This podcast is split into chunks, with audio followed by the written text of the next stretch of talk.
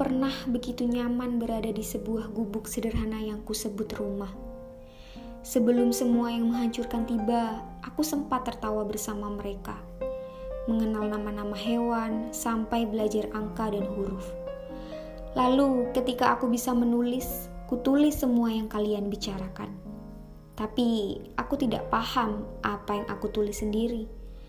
Aku tidak mengerti kenapa ada seorang ibu yang sangat menginginkan sebuah perpisahan. Berpisah dengan seorang ayah, aku kira mereka selamanya. Aku kira aku akan tumbuh bersama dengan keduanya. Aku pikir mereka terlalu sibuk mencari kebahagiaan masing-masing, tanpa mereka bayangkan rasanya menjadi aku. Saat ayah pergi dari sebuah kejayaan, saat itu pun duniaku rapuh. Aku runtuh.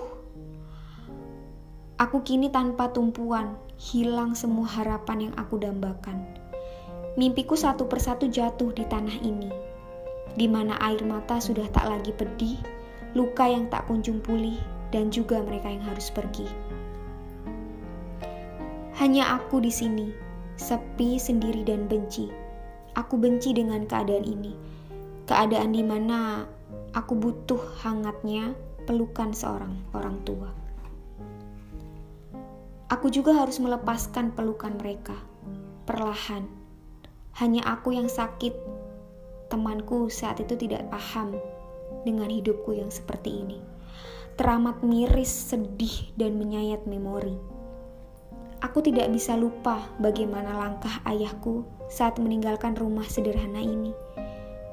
Berharap aku akan baik-baik saja, dikiranya aku batu. Aku juga punya hati, hati lembut yang tidak sekeras seperti mereka. Sekarang masa depanku kubiarkan sendiri dan berdiskusi dengan senja.